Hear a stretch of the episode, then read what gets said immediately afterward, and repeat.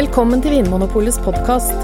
I panelet i dag sitter programleder Trond Erling Pettersen og varefaglige rådgivere Anne Engrav og Anders Stueland.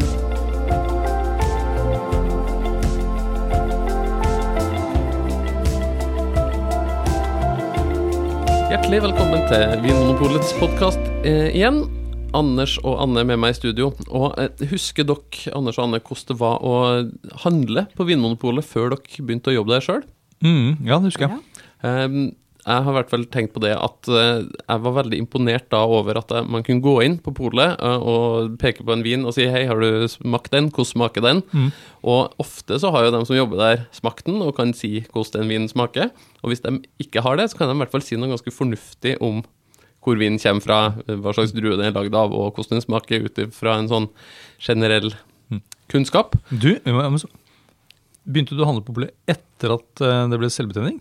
Eh, ja. Du er såpass ung, ja. Jeg har stått i kø òg. ja. ja fordi det var et diskpol som var liksom eh, sånn, Og da hadde, du- da hadde du jo liksom gjort forarbeidet med lista. Ja, da måtte du lese deg opp og øve på uttale og sånn. Og der sto det gjerne en sånn liten sånn innledning om hvert land eller område. Mhm. Eh, det jeg skulle fram til, var at det er veldig høy, eh, høy kunnskap blant dem som jobber i Vinmonopolet. Og nå har jeg tenkt å test, teste kunnskapen til dere to, og meg sjøl for så vidt. Fordi jeg har gjort klart et lite lykkehjul med noen av verdens vinområder. vinområder. Det kan være land, eller det kan være enkeltområder innenfor et land. Eh, kjente og litt mindre kjente vinområder. Eh, og der lykkehjulet stopper, det er det området vi skal snakke om i dagens episode. Eh, hva tenker dere om det? Jeg har litt sånn hjertebank. Jeg føler meg litt ukomfortabel. Ja, jeg kjenner at det på en måte er litt sånn, litt sånn nummen i tærne. Så vi- får se da om det blir noe vi kan snakke lenge om, eller om det blir en veldig kort episode i dag. Og litt varm på ørene. Jeg Skal vi snurre lykkehjulet? Ja.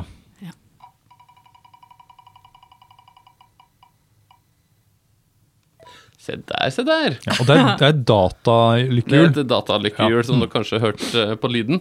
Eh, vi skal fram til et land, eh, og det er et land som jeg ikke kan huske å ha smakt vin ifra. Ja, det er lovende. Det, å, å, å, som ikke, det er Og- spennende. Ja, og grunnen til det er Skal vi gjette oss fram etter hvert? Skal du gi noen flere hint? Eh, Ja, dere kan få et hint til. Det, var, eh, det er et land som eh, var veldig kjent for eh, rimelig, men god vin, altså gode kjøp, for en del år siden. Eh, da det fortsatt var diskpol, og før jeg begynte å handle Bulgaria! på Vinmonopolet. Gode, gamle Bulgaria! Vi skal Bulgaria! til gode, gamle Bulgaria. Ai, ai, ai. Jaså, ja. Eh, Mitt eh, forhold til Bulgaria er at jeg var der på ferie gjennom Ving solreiser da jeg var 13 år, og det var lenge før jeg hadde lov til å drikke noe alkohol, så her tror jeg dere må dra lasset, Anders og ja, og jeg har jo aldri Javel. vært i Bulgaria. Eh, Du har vært i Bulgaria, da, altså. Og jeg, men jeg har jo Jeg var mer opptatt av å ikke bli solbrent og spise pizza. ja. Eh, Du har vært i Bulgaria, men jeg har eh, smakt eh, bulgarsk vin, i hvert fall. Det er bra. Hva er det viktigste jeg trenger å vite om vin? Og solgt det også. Ja, det er bra. Mm. Hva er det viktigste jeg trenger å vite da om vin fra Bulgaria, Anders? Ehm, Nei, um, det er jo et område som har lang eh, historie for å produsere vin, som mange av de andre områdene ehm, som ligger liksom ned mot Middelhavet. Eh, Svartehavet, og Svartehavet, ja, Ja, mm. riktig. Eh, ja, men jeg tenkte, ja mm, Nedi der, da. Herregud. Litt, litt, litt sør og østover eh, Ja. for Flåklypa. Ehm, Mm. Eh, Men allikevel så uh, har de tatt til seg en del av de liksom internasjonalt kjente druene, sånn som Cabernet Sauvignon, og det var vel mye av det de produserte uh, når de var populære på 90-tallet. Mm. Uh, 80-90-tallet her i Norge. Ja. Anne, har du noe forhold til bulgarsk vin? Ehm, nå tenker jeg så det knaker på å komme på en sånn lur vinkling på dette, men jeg har ikke smakt det. jeg har ikke solgt det. Jeg har jo hørt om det. Ja. Hva har du hørt om bulgarsk vin, da?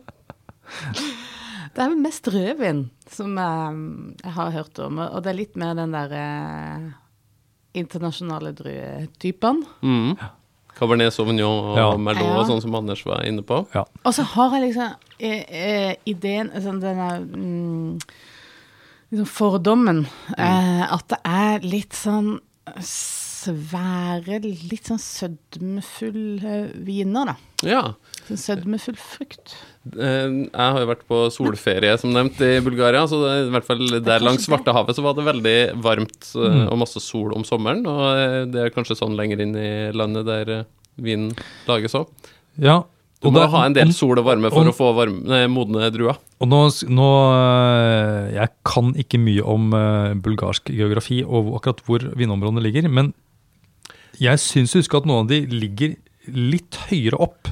Ja. Altså at det er noe Ikke akkurat fjell, men i hvert fall øh, litt øh, Vinmarkene ligger litt høyere opp, så det er litt kjøligere. Mm.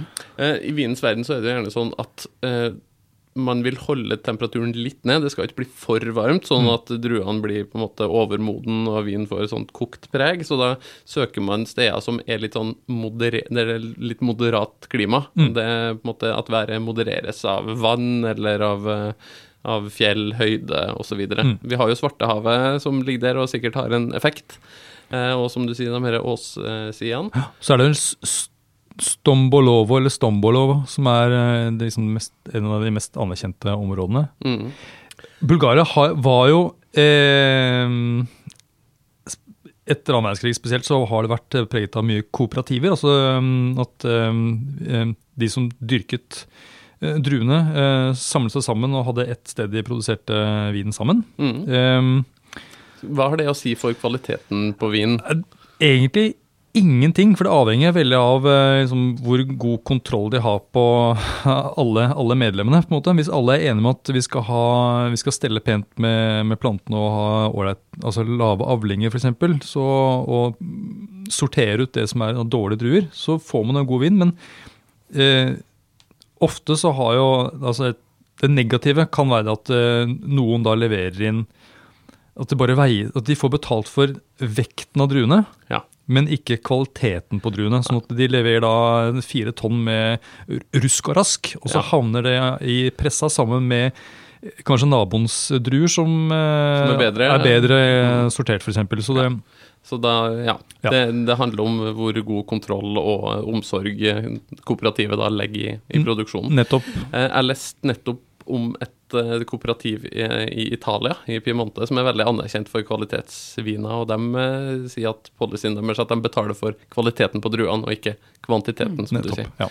Eh, Og da kan det bli veldig gode, anerkjente viner som er, som er ettertrakta i verden. Mm. Eh, Jeg sjekka nettopp at det er tre bulgarske viner i sortimentet vårt. Mhm. Eh, Tre produkter av 21 000 som er tilgjengelig på Vinmonopolet per i dag. Så det er jo nesten borte. Eh, Du var inne på det, Anders. Det var veldig populært på 90-tallet med, med Men- bulgarsk vin. Men jeg har litt troa på at um, de der østeuropeiske eh, landa, vinlanda, da, som ja. kan få en sånn en ny vår. Ja, At Det har kan, eh, nettopp kommet tsjekkisk vin i sortimentet Ja. vårt. Eh, Romania er litt på vei opp igjen. Nabolandet til Bulgaria, som ligger, ligger vel i nord på eh, andre sida av Donau, så vidt jeg husker. Ja. ja, for det har jo skjedd endringer der. Altså, eh, vet du at eh, Utenlandske investorer har investert i nye, altså, altså, nye lokaler og kjøpt vinmarker og sånt nå. Eller at de som tidligere drev i var en del av kooperativer og nå startet for seg selv, sånn at de, Mm. de steller bedre med plantene, få bedre druer og kanskje liksom, sørge for at alt er rent og pent i, eh, Mm. i produksjonslokalene og sånt nå. Ja. Um, Jeg har lest at eh, et kjent slott i Bordeaux har kjøpt en eiendom i Bulgaria, så det tyder jo på at man ser et sånt potensial for Ja. Cabernet Sauvignon i, eh, i Bulgaria, som er den kjente drua fra vestsida av eh, Bordeaux. Og så har du jo også noen lokale druetyper, og det er jeg tenker altså noe som er litt mer i, i, tiden nå, at eh, historiske vinland henter fram igjen de gamle druesortene sine. Og Mavrud f.eks. er jo en sånn eh, blå druetype som Ja. kommer fra Bulgaria. Som Ja. eh, gir litt sånn eh, viner med rød bær og noe litt sånn balsam og tørkefrukt. Kanskje minne om noe litt sånn, nesten litt sånn Nebbiolo-aktig. Ja, det høres spennende ut. Ja. Mm. Så Mm. Ja. Vi får holde øynene åpne. Ja, og Anne, du var inne på at du har litt trua på at det kan eh, komme en, eh, en oppblomstring igjen av eh, bedre kvalitetsvin fra, fra Bulgaria. Ja, men litt sånn kunnskapsheving og Vi har jo snakka om det litt tidligere, at moderne teknologi òg er sånn som har gjort det lettere å produsere god vin i overalt i hele verden, egentlig. I gamle dager så hadde man ut sånne temperaturkontrollerte ståltanker som man kan få kjøpt nå, der man har full kontroll på hvordan gjæringa og modninga av vinen skjer. Mm. Så eh, det får kanskje bli en oppfordring til deg som hører på. Følg med og se om det dukker opp en vin fra Bulgaria eller Romania eller et av de andre litt ukjente landene øst i Europa nær deg. Eh, da fikk vi sagt litt grann vettugt om eh, vin fra Bulgaria, i hvert fall. Det gikk ikke så verst det her, Anders. Nei da, det gikk, det gikk greit. Jeg er veldig imponert over deg. Det gikk akkurat.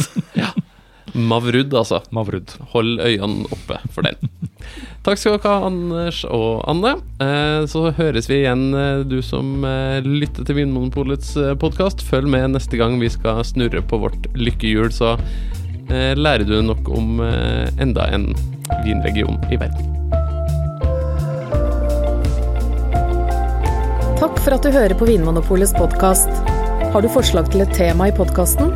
Send mail til podkast at vinmonopolet.no. I tillegg svarer kundesenteret deg på e-post, chat og telefon.